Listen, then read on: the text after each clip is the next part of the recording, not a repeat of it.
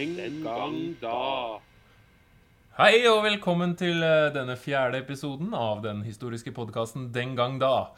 Eh, Med meg i dag så har jeg som vanlig min faglig ansvarlige og moroklump og godgutt Hans Rosvold Hontvedt.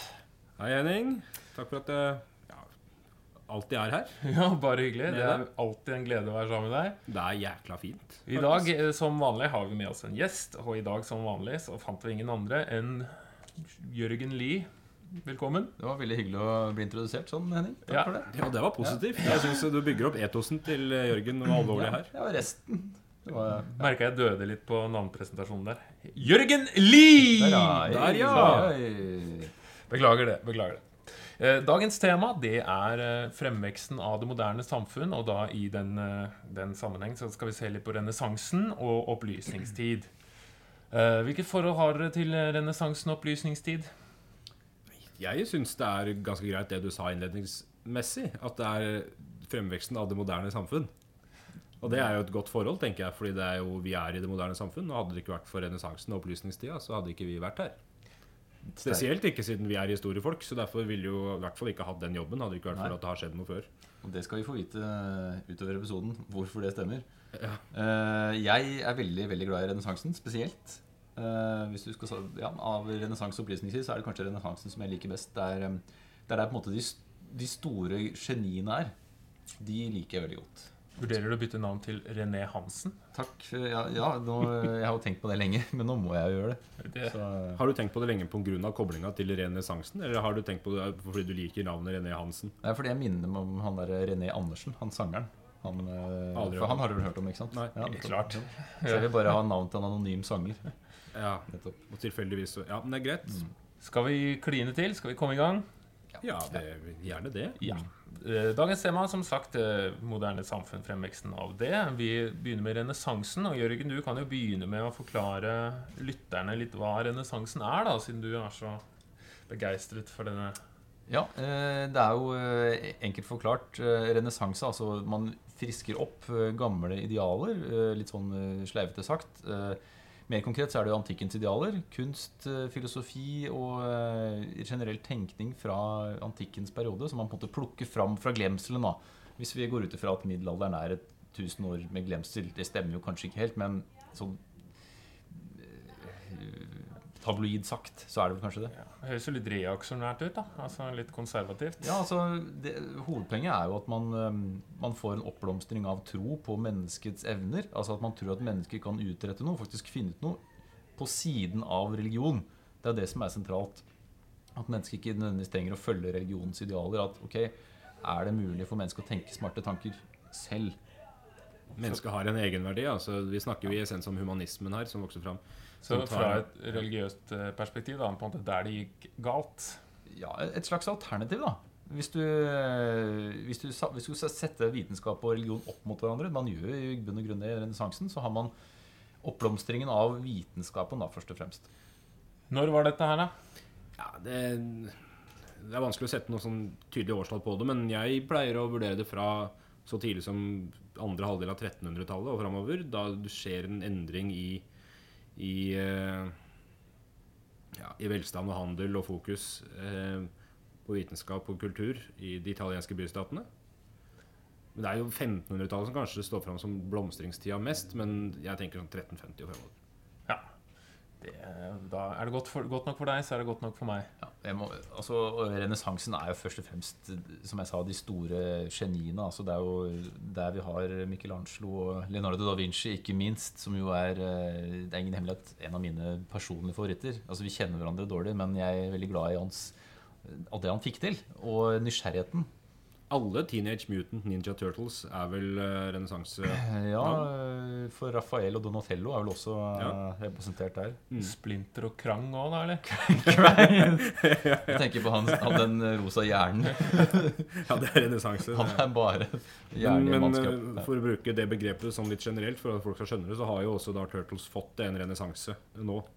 Gjennom den nye filmen som det er Det er jo det, ja, ironisk, vet jeg ikke, men det er i hvert fall en god forklaring av hva begrepet innebærer. Renessansen er det, er- det er jo, Når vi snakker om renessanse her, så er det selvfølgelig den europeiske renessansen med fokus på Italia. vi snakker om Men, den har jo, men det fins jo renessanser innenfor alle andre kulturer og samfunn også. Vi snakker om arabiske renessanser og ja, diverse renessanser der noe på en måte du får en oppfriskning av et eller annet tidligere ideal som man mener er bra. da.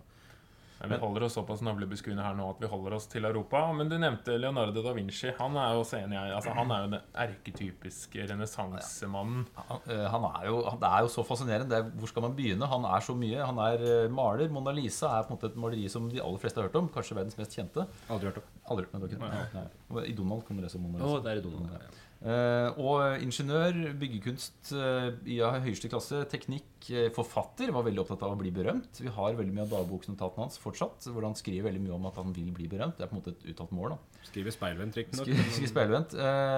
Og i det hele tatt, han, han tar for seg da av Alt. menneskets mulige problemområder og dykker inn i dem og går intenst og oppslukt inn i arbeidet. Og var ikke minst opptatt av eh, anatomi og tegning i kombinasjon. Så mange av de utrolig flotte tegningene til Leonardo er jo av eh, ting i bevegelse. Altså hester i bevegelse, f.eks. Og eh, er jo kanskje vel så kjent for eh, ja, Rekker vi en liten historie? Eh, ja. Det er jo En kort historie, altså- historiepodkast. Ja, det er jo. Ja, veldig fint. Eh, for, altså, Leonardo hadde eh, en fascinasjon for anatomi og var så heldig å kjenne et menneske som hadde tilgang på lik. Og, kom, ja, og kombinerte dette her da med tegnekunst ved at han da Ok, hva er det på innsiden av disse menneskene? La oss åpne dem opp. Og i mangel på bedre ord skrelle dem lag for lag og tegne lag for lag for lag. Så flere av de anatomiske tegnene til Leonardo de finnes jo den dag i dag i medisinske leksikon, fordi de er så presist tegna. Altså skisser av muskler, muskelfester, for han har skrellet av kanskje tre-fire lag. Og han uttalte også i sin dagbok da, sånn, det er, det er så mye lag og skinn og sener og slintrer og drit. Hvor, enda et lag! Åh, enda et lag. Men samtidig veldig fascinert og tegner liksom til minste detalj. Altså. Det som, litt, det som er litt gøy, hvis jeg kan slenge inn det om Leonardo da Vinci, som gjør at han kanskje framstår som en sånn renessansemann med fokus på ideenes eh, egenverdi, er at det viser seg at veldig mange av kunstverkene hans ikke blei fullført. Da. Han fikk en idé til en stor oppfinnelse eller et stort kunstverk, og så mista han interessen for det før måte arbeidet var ferdigstilt. Fordi han hadde en idé som han tror han skriver i hvert fall i ungdommen. Dette endra seg litt når han begynte å tjene penger på å gjøre ting for folk. Men uh, at ideen var viktigere i seg sjøl enn produktet. da Så mye av vitsen var å måte komme opp med den store, briljante ideen, og ikke nødvendigvis å fullføre prosjektet. Dette her Det er godt. seg han jeg har tjent masse penger i hodet mitt med gode ideer. Gode ideer, ja. ja, Så eh, hvis du skal bruke sånn æringslivskategorisering uh, Han er han, han, er en igangsetter, er en- ikke en fullfører. Ja. Men hva tror dere Leonardo da Vinci? Han var jo en uh, multikunstner. Han hadde mange ild i peisen, eller hva det heter. ja, ja. Mm. Men i dag er vi opptatt av at man skal på måte finne seg et yrke. og Hva, hva tror dere han ville jobba som i dag, da? Hadde vi hatt noe bruk for en Barneskolelærer. Kan mye om alle forskjellige fagfelt. God på laminering. Veldig, veldig god på Ja, laminering. tror jeg. Det var han som starta i laminatet, var det ikke? Jo, det var- han faktisk. Det er også morsomt å spørre seg Fins det noen eksempler på renessansemenn eller I kvinner i dag? Hva tenker dere om det? Ja. Altså multikunstnere, da. Eh, ja, Stordalen han virker jo som en som gjør mye, i hvert fall. Ja, Ari Behn. gode, gode eksempler fra begge der. Men hvis, dere tenker det er et menneske som på en måte utmerker seg innen forskjellige, veldig forskjellige arenaer, da. Hvor veldig forskjellig vil du ha det? Jeg, jeg kan ta et eksempel da, Ja, gjør eh, det. som eh, mange bruker også. Det er jo eh, en norsk eksempel. Mm. Jo Nesbø, Jo Nesbø. Ja, ja. for eksempel. Økonom. Da svarer jeg på spørsmålet ditt i stad. Jo Nesbø. Vel, det- godt Ja. forslag. For han er siviløkonom og har vært journalist og er jo en veldig suksessrik forfatter. Ikke Innenfor i flere sjangere. Innenfor flere sjangre. Og han har vært aksjemegler. Ja, jeg tror det. Og ikke at det nødvendigvis kanskje er noe å oppnå, men uh, også har han vært fotballspiller på høyt nivå. Ja. Så han har på en måte Og Og, musiker, ikke musiker, minst. ikke minst. Ikke minst. Ja. Ja, men det herlige er London. Han Så- er jo da Vinci, bortsett fra innenfor andre ting. Ja. Eh, men jeg veit ikke. jeg. Det, er- det, det er klart det at man kan jo diskutere hvorvidt grunnlaget i dag er der for å ha renessansefolk. Eh, Renessansemennesker. Man hadde mer tid til rådighet før hvis man først hadde litt penger, fordi man ikke hadde TV og, og aviser å bruke tid på. Eh, Så man måtte finne på noe annet, og da ble det å lage oppfinnelser eller dissekere lik da på fritiden. Så altså, mange av de oppfinnelsene til da Vinci er jo totalt ubrukelige. Altså helikopter og fallskjermer og hva Det kunne ikke brukes. Men det her kunne ikke brukes, så det var jo bare en slags tegne, tegneserieforfatter. Kunne Tegneserieforfatter, ja. han kunne, ja, Kanskje vi her nærmere, Nettopp fordi han var en uh, gründerfyr. Altså han satte i gang svære prosjekt, men fullførte ikke nødvendigvis. For han syntes ideen i seg selv var bra nok. Men bare det å få ideen til et en fallskjerm eller et helikopter er jo ganske heftig før noen andre har fått den ideen. Om du får det til eller ikke. Nettopp. Absolutt. Skål for da Vinci. Eh, så tenker jeg vi, vi går litt videre eh, fra renessansen, for vi skal jo rekke over eh, et hav av temaer her. Eh, videre til opplysningstid, som på en måte er den naturlige konsekvensen og videreføringen av renessansen. Ja. Uh, men før vi kommer så langt, så tenkte jeg å kunne snakke litt om enevelde. ja. Fordi enevelde er jo den styreformen som dominerer Europa innen fra ja, 1500-1600-tallet. Mm. Uh, hvor i, i prinsippet kongen sitter med enemakt. Eh, og da lurer jeg med dere, altså når vi kommer inn da 1600-tallet Hvilke fordeler og ulemper er det ved å ha et enevelde? Fordelen er at det er effektivt. Ja, Veldig effektivt. For gjennomføringsevnen er jo skyhøy. Ja. Hvis, hvis kongen er interessert i å gjennomføre. Det trenger ikke å være gjennomførbart eh, selv om han eh, er aleine. Kan jo være en ubeskyttsom eh, idiot likevel. Ja da, det kan det jo være. Men det er jo en av fordelene hvis kongen er ja, en som har lyst til å få gjort noe, kan man si. Ja, hvis vi Ja, ja og også fra et sosialt perspektiv effektivt hvis han er en konge som vil det beste for befolkninga. Da er det jo ikke bare effektivt, men også fornuftig. Mm. Ja, Det går an å argumentere for at det er fornuftig. Selv om det ikke er demokratisk. Altså, man, på på 1700-tallet så vokste jo ideen om opplyst enevelde fram, i tråd med opplysningstida, som vi kommer til å touche innom snart. Og der er jo ideen at kongen vil opplyse folket. Konsekvensen av det er ofte at folket ønsker demokrati. Så kongen eh, biter seg sjøl litt i ræva der. Men, eh, men ideen er jo der om et opplyst enevelde. Det er, det er effektivt fordi du har én fyr som kan bestemme og ta avgjørelser og bruke penga på det han mener er nyttig, og han vil folkets beste da gjennom opplysninga. Det er jo, det er jo litt inspirert av Machiavelli, det her. Hvis dere Ja. kjenner til altså, altså Hvis du har makten, så plikter du å bruke den mest fornuftig. Mm. Og du, den beste herskeren eh, hører på sine rådgivere. da Og i mange tilfeller så gjorde jo også eneveldige konger det. De hadde jo, de, konga ikke aleine. De satt ikke og Nei. konga på sitt lille rom, og så snakka de ikke med noen. De hadde jo et knippe med rådgivere. En såkalt regjering. Såkalt regjering, om du vil. Ja. Eller bare personlige Rådgivere. Ryggslikere. Alt ettersom. Ja. Men han måtte jo spørre noen. Ja, om til råd. Så han, det er jo ingen som kan ha 100% kontroll over alt mulig. Nei. Nei. Bort fra Da Vinci, da. Og så for oss i ettertiden så må jeg jo si at uh, enevelde, kongelig enevelde har jo sine fordeler i den at du får enormt sånn prang, prangende maktuttrykk og Ah, flott. ikke sant? Slott i Versailles hadde jo aldri oppstått. Ja, ja, Nei. Med mindre Ludvig den 14., eller Louis, som han da kalles mm. på et andre språk. Fransk, tenker du på? Fransk, ja. Ja. Det er jo et annet språk. Det, ja, ja da. Han var jo også en fantastisk mann. Solkongen. Har dere Mm. noe dere kunne Staten, det er meg. Staten, det er ja, deg. det ligger jo mye i det uttrykket som en forklaring på hva eneveldet er. Mm. Han er stat, han er forfatning, og han er eh, også utpekt av Gud til å styre på hans vegne på jorda. Det jo det, det, det etterlater jo ikke veldig mye rom for forbedring, kan du si. Altså, når du har etablert det, så er jo, du er jo den du er. Det går mye røverhistorier om eh, Ludvig 14. og eh, heisaturene på Versailles-slottet. Og om de er sanne eller ikke det er jo, Ett er jo måte mangel på hygiene. Ja. Men samtidig også veldig sterk bruk av parfyme for å på en måte kamuflere ulukt. eh, Parfyme og sminke, pudder. og sminke, veldig populært. eh, Og blant annet at eh, et annet rykte jeg har hørt, eller en saying, er jo kaffekopp- eller tekoppholding. Jeg vet ikke om dere kjenner til den? Altså, den finger, lille fingeren, ut. Er det et tegn på syfilis? Eller kanskje ikke syfilis, altså, men en eller annen skavank? Og at, og at folket da fulgte etter den. Fulgte etter den. Det, det, det er jo det den gamle røverhistorien om skarre-æren også innebærer. At uh, Ludvig den 14. er den første til å skarre fordi han hadde en talefeil. Og hoffet hans begynte med det, og folket begynte med det for å etterligne ham.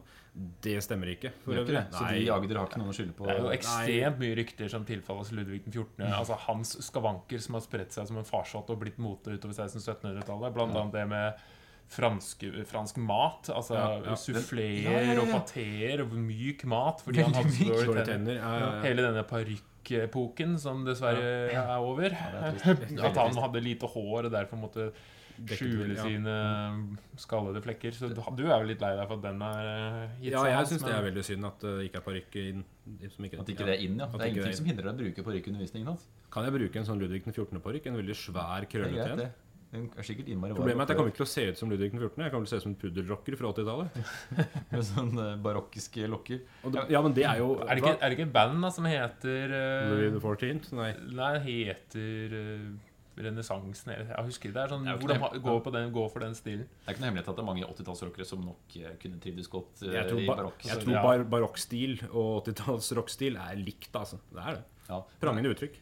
Husk, er det? Nå er jo flere rykter her, men disse, det gikk også rykter om at Versailles hadde veldig få toaletter. Jeg vet ikke om dere kjenner til eh, Jeg tror ikke man hadde Altså, det, jo det var var ringtoalett, så man bæsja i gardinene. Det har jo ikke vannklosetter i den forstand, men uh, du har jo altså, bæsjestolen til Marie Antoinette står jo i no den dag i dag Ja, i, står- på, Marie, på Versailles. Ja, Så, og det er så klart en, man, Det er jo mange rykter at de bæsja bak bak gardina, og mulig de gjorde det, men at en viss grad av fjerning eh, har de sikkert vært klar over. Det Det, det var nok Ja, altså I og med at man også på den tida trodde at, at sykdommer spredte seg via lukt, fordi det ofte assosieres med hverandre. Der er vond lukt, der er ofte sykdom. Man trodde jo at lukta var problemet.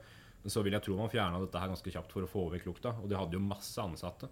Ansatte. Men jeg tenker på at det er en eller annen fyllefest eh, på dette slottet som har rent opp i litt av hvert. Det er klart, men du skal ikke, må ikke helt bak til 1700-tallet for noen har pissa bak gardina på en fest. Nei, det er, Nei, det er forrige helg, faktisk. Ja, Sant, studentlivet. ja, da, ja. Men eneveldet var jo den på en måte, i hvert fall i Frankrike, da, altså også i Danmark-Norge. Men eh, så kom vi over dette her opplysningstid, da. Eller litt penere på engelsk. The Age of Enlightenment. Ja. Jeg syns det høres litt mer eh, fjongt. fjongt. Det er jo Men, det samme, eh, da.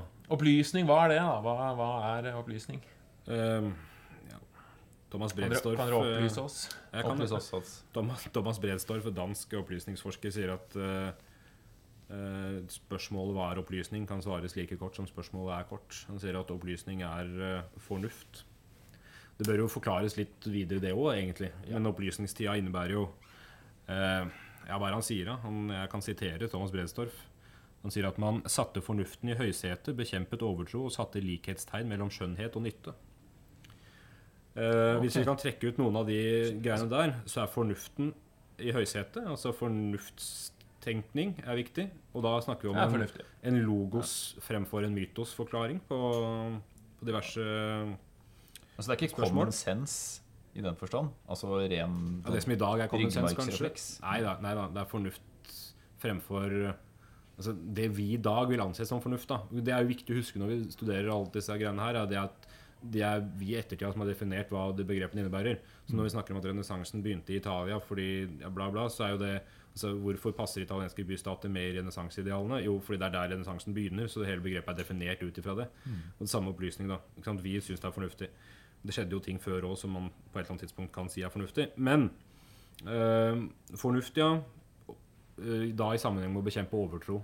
Man går Kirka mister noe posisjon fordi man fokuserer i større grad på andre vitenskaper enn en de religiøse forklaringsmodellene på spørsmål. Ja. Så, så opplysning er på en måte det motsatte av religiøs overtro? Kan man si det? Ja, i hvert fall med våre øyne. Eh, Fra, et, fra et kristent eh, subjektivt perspektiv så vil man kanskje ikke si det. Eller fra et religiøst perspektiv. Da, innenfra perspektiv så vil det jo ikke så vil det jo kunne være fornuftig å være religiøs òg. Men uh, det fins jo masse opplysningsfilosofer som eh, er viktige eh, fortsatt i dagens filosofi. Jeg må jo bare reklamere, eller bakoverreklamere for episode 1, der Hans legger ut om Kristian 7. Det Ja. går an å bla i arkivet. ja, ja. Der er det mye røverhistorier, og også hva skal jeg si, effekter av opplysningstidens tanker, kan man vel si. ja, ja. Ja, mange opplysningsfilosofer, eh, altså filosofer som kommer med ideer som går imot det tradisjonelle. Eh, men eh, det å være filosof er jo et yrke som kanskje man kunne tenke seg. Mm. Ja. Er det, er det noe rom for deres Hva, eh, hvordan skal vi definere en filosof? da? ja, Det må jo være en som tenker profesjonelt, da. En som stiller spørsmål ved samfunnet? Eller en som stiller spørsmål generelt? Det er vel den helt enkle definisjonen? Er Er det ikke ikke det det? en gammel Knut Lystad-greia? Filosofisk. En fisk som undrer over tilværelsen. Nettopp. nettopp. Godt sagt. Takk. Uh, Men hvis dere hadde vært filosofer på 1600-tallet, hvilken uh, banebrytende ideer tror dere dere kunne bidratt med? Jeg vet ikke om det er så er mye. Enkelt spørsmål, Henning. Er Fort gjort å Veldig svare lett, på det. å, veldig lett å bare svare det noen allerede har tatt. Mm. At, uh, eksempel Jeg tar likhetstanken, eksempel. Ja, jeg tar tvil om Guds eksistens eller et eller annet sånt. Eh, Jeg syns maktfordelingsprinsippet er ganske ålreit. Ja. Eh, Men jeg liker også en del av disse filosofene har en slags sunn skepsis til hva skal man si, det gemene hop på 1700-tallet. Folk flest, ja. Folk Mm. flest. Ja, Det De er ikke, Tredje de er ikke nødvendigvis uh, utprega demokrater, alle sammen. nei. Nei, for dette er jo en tid hvor altså, Man skal jo ikke undervurdere skolegangens nytte for et samfunn. Og dette er jo en tid hvor eh, den største delen av befolkningen eh, ikke nødvendigvis er så opplyst, da, i den forstand. Nei, Mm. det, men så er det jo også den tida der vi ser en endring på akkurat det. da Det blir mer utstrakt uh, ja, Det blir en borgerlig offentlighet der folk flest har større mulighet til å tilegne seg kunnskap. Eh, tehus, kaffehus, kakaohus Nei, I det hele tatt mye drikkehus. eh, vinhus der folk sitter og, og prater vitenskap og samfunnssituasjoner. Så man leser aviser og diskuterer. Og dette her fører jo til en form for eh, utvikling og spredning av kunnskap til folk flest. da Men ja, jeg er liksom skeptisk jeg, til at man eh, jeg ser for seg at det er mange som eh, var engasjert i det her. Du liksom ta, ta det for gitt da, at ni av ti var bønder eh, ganske langt opp, og veldig få kunne reise. Hvor mange er det det her appellerer til? Altså Nei, det er klart. Det er, det er et godt poeng. da, og, det er, og Der snakker vi jo f.eks. om grunnlaget for den franske revolusjonen også. at Kontra den amerikanske revolusjonen, hvis vi skal trekke inn det. For det, det her skjer jo på samme tid, sånn 1700-tallet. Og se på den franske, så er jo grunnen til at det blir opprør der etter hvert, det er fordi folka har det dårlig. Eh, ikke nødvendigvis fordi alle bøndene har lest masse opplysningsfilosofi og ønsker og mener, Ja, mener at eh, folka har rettigheter til ditt og datt basert på de og de teoriene. I motsetning til den amerikanske revolusjonen, der målet var at man ønska å, å få lov til å være med på å bestemme, fordi man mente at man hadde rett på på å være med å ta avgjørelser hvis lovene skal gjelde for deg osv. Det her er jo mer basert på idé enn at man hadde det kjipt. da. Ja, fordi det er jo fortsatt mange i dag som ikke har lest eh, Voltaire eller Montesquieu. Kan ikke si at Ja, det det er- ligger ved skrivebordet. Jeg vil se nattbordet mitt også. Det ikke altså. Nei. Ja, fordi det er jo, ikke sant, som du sier, folk, folk flest. Men man baserer jo Man definerer jo ofte en epoke pga. Liksom generelle strømninger, men også noen få. da Her er jo litt interessant i seg selv. Men jeg syns også det at disse opplysningsfilosofene ikke, det, det er langt ofte mellom liv og lære. Eh, For deres egen del, ja. ja, blant annet Rousseau, da, Ja. som eh, la grunnlaget for mye av den eh, franske revolusjonens tenkning. Og han var jo en utstrakt opplysningsfilosof, men Mm. blant annet kvinner mente han var jo til å bare til å tekke mannen og sørge for at mannen hadde det bra. Og bare det at han skrev en, en bok som het Emil, Mm. som tar for seg barneoppdragelse, blir liksom fundamentet nærmest i Fri moderne barneoppdragelse. Den Ja, store- du må, jo ha slått an veldig på 70-tallet med fri barneoppdragelse. Ja, og han fikk jo fem barn selv, men det ironiske er jo at alle disse fem barna endte jo på barnehjem. Så han, Ja, ja. Så det er fri barneoppdragelse, altså bare helt fritt for ansvar? ja, han var visst en, en skrulling som løp rundt og klasket damene på rumpa. Ja, jeg tror det. Men det, det her gjelder jo delvis altså, for, for, Vi kan i dag se på det som dobbeltmoral, men det, vi må jo huske at det handler om at noen normer er vanskeligere å kvitte seg med enn andre. F.eks. Mary Wollstonecraft, den britiske opplysningsfilosofen, som eh, som kvinne kjempa for eh, mer likestilling mellom kvinner og menn, men aldri ville, være, ville berøre temaet kvinnelig seksualitet, f.eks. Det her var noe som skulle foregå på soverommet, ikke noe som skulle måtte være en sak utad. Og ekteskapsnormer, der var det ganske gammeldags. Og mer på eiendomsrett og en sånne eh, temaer at hun var eh, frem, fremadretta når det gjaldt kvinners rettigheter. Men vi kommer inn på dette med fransk revolusjon, da, for det må vi jo snakke litt om. Ja. Eh, Fransk revolusjon er jo kanskje det ytterste uttrykket av, av opplysningstiden. Hvor man prøver å forandre samfunnet helt fra scratch.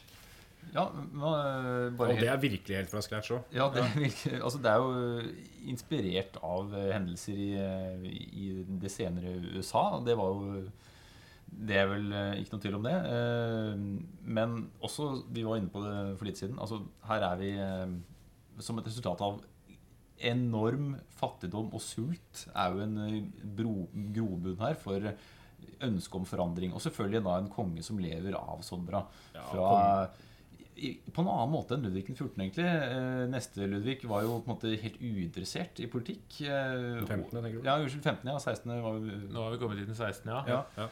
Ja, eh, og eh, satt der på slottet sitt, i likhet med tidligere Det er, det, er mye, det er jo en fantastisk greie med, med, med Versailles, da, altså Ludvig 16. og kona Marie Antoinette, der, de fikk, der han fikk bygd en bondegård til Marie Antoinette i hagen på Versailles. Den er for øvrig gedigen. Da snakker vi hage, ja. Tregård. Og den, den hagen så der, der fikk en bygd en bondegård, sånn at Marie Antoinette kunne gå rundt og leke bondekone.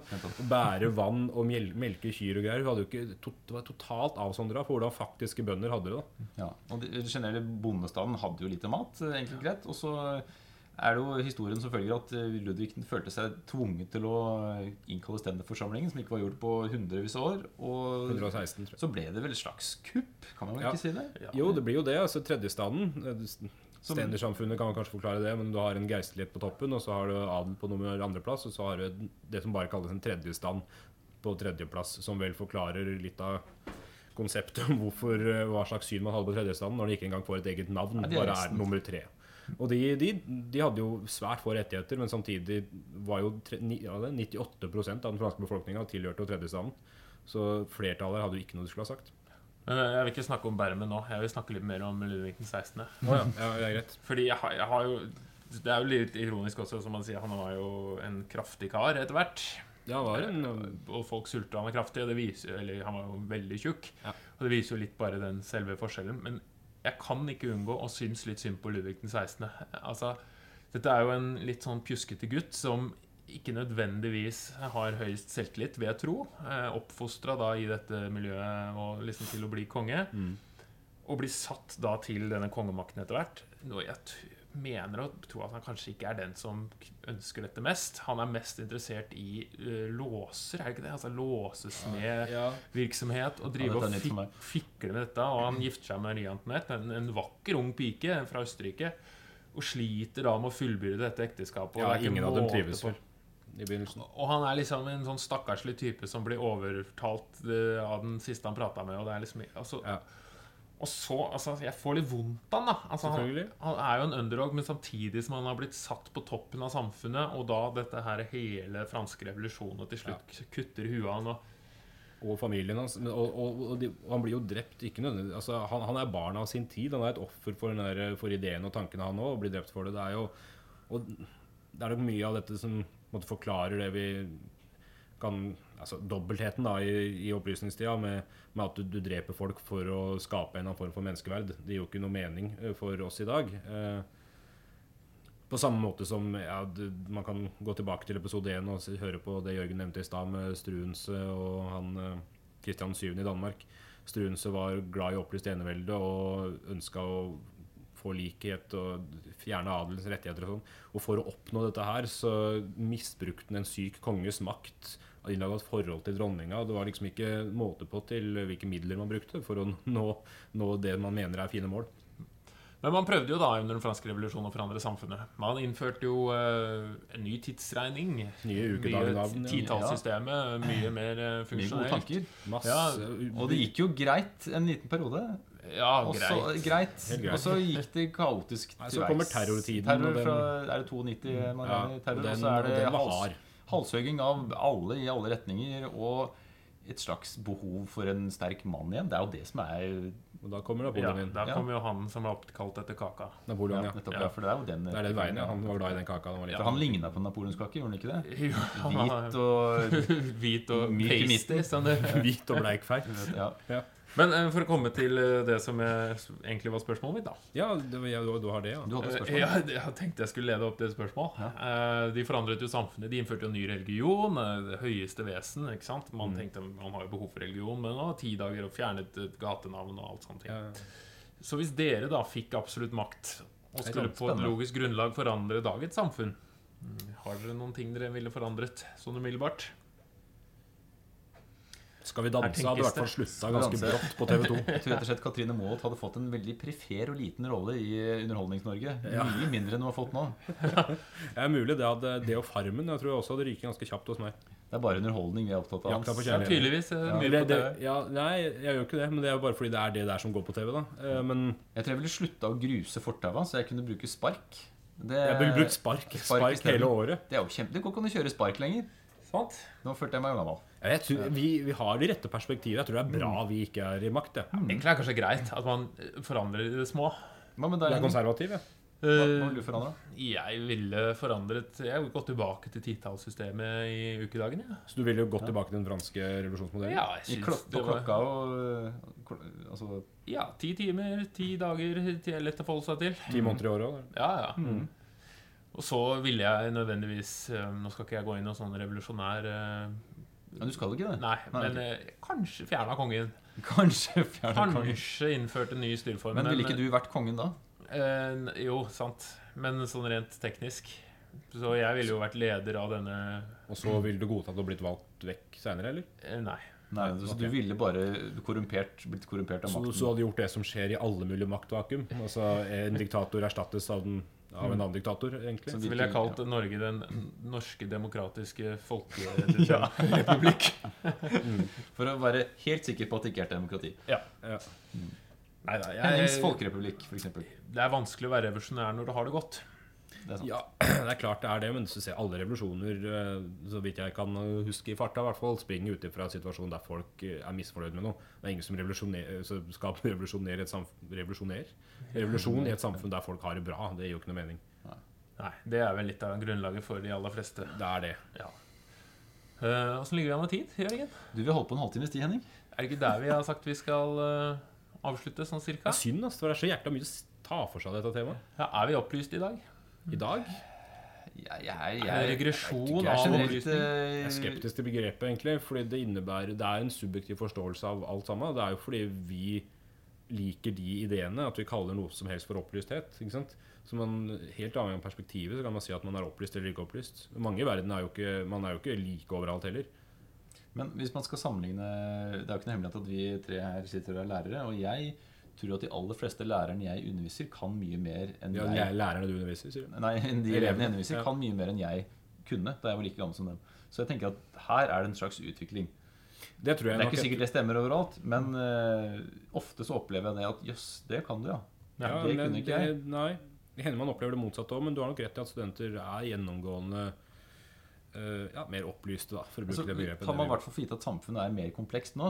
Det er Det jo er det en samfunnsutvikling. Ja. Og det er lov å tro på hvilken gud man vil. Det er kjempelov. Yes. Eller ikke Gud i det hele tatt. Ja, det også. Det er jo en positiv utvikling. Og det er relativt nytt. Ja. Så avslutter vi på en eh, positiv eh, note Ja. der. Det ble veldig positivt. Ting har blitt bedre. Ting har blitt bedre. Ja. Hvem skulle tro det, at ting gikk framover, og at ting Ja, det, det blir ålreit, da. Ja. Det er koselig å tenke Jeg tenker jeg skal kjøre en ny renessanse hvor jeg tar opp middelalderskikker igjen. Ja, da. Sånn, mm. Ja, se det, ja. en slags renessanse point 2.0. Sverdekamper og tunge, tunge, tunge klesplagg. Mm. Eh, neste gang så skal vi se på eh, Hva skal vi se på da? Vi skal se på enda videre altså industrialisering og europeisk imperialisme på 1800-tallet. Det blir bra. Det blir veldig gøy. Der blir er det mye fæle historier. Ja. Så da sier vi takk for nå. Kjør jingle og Veldig hyggelig at god eh, jul. du kunne komme, Jørgen. Jo, takk for det. Takk for det.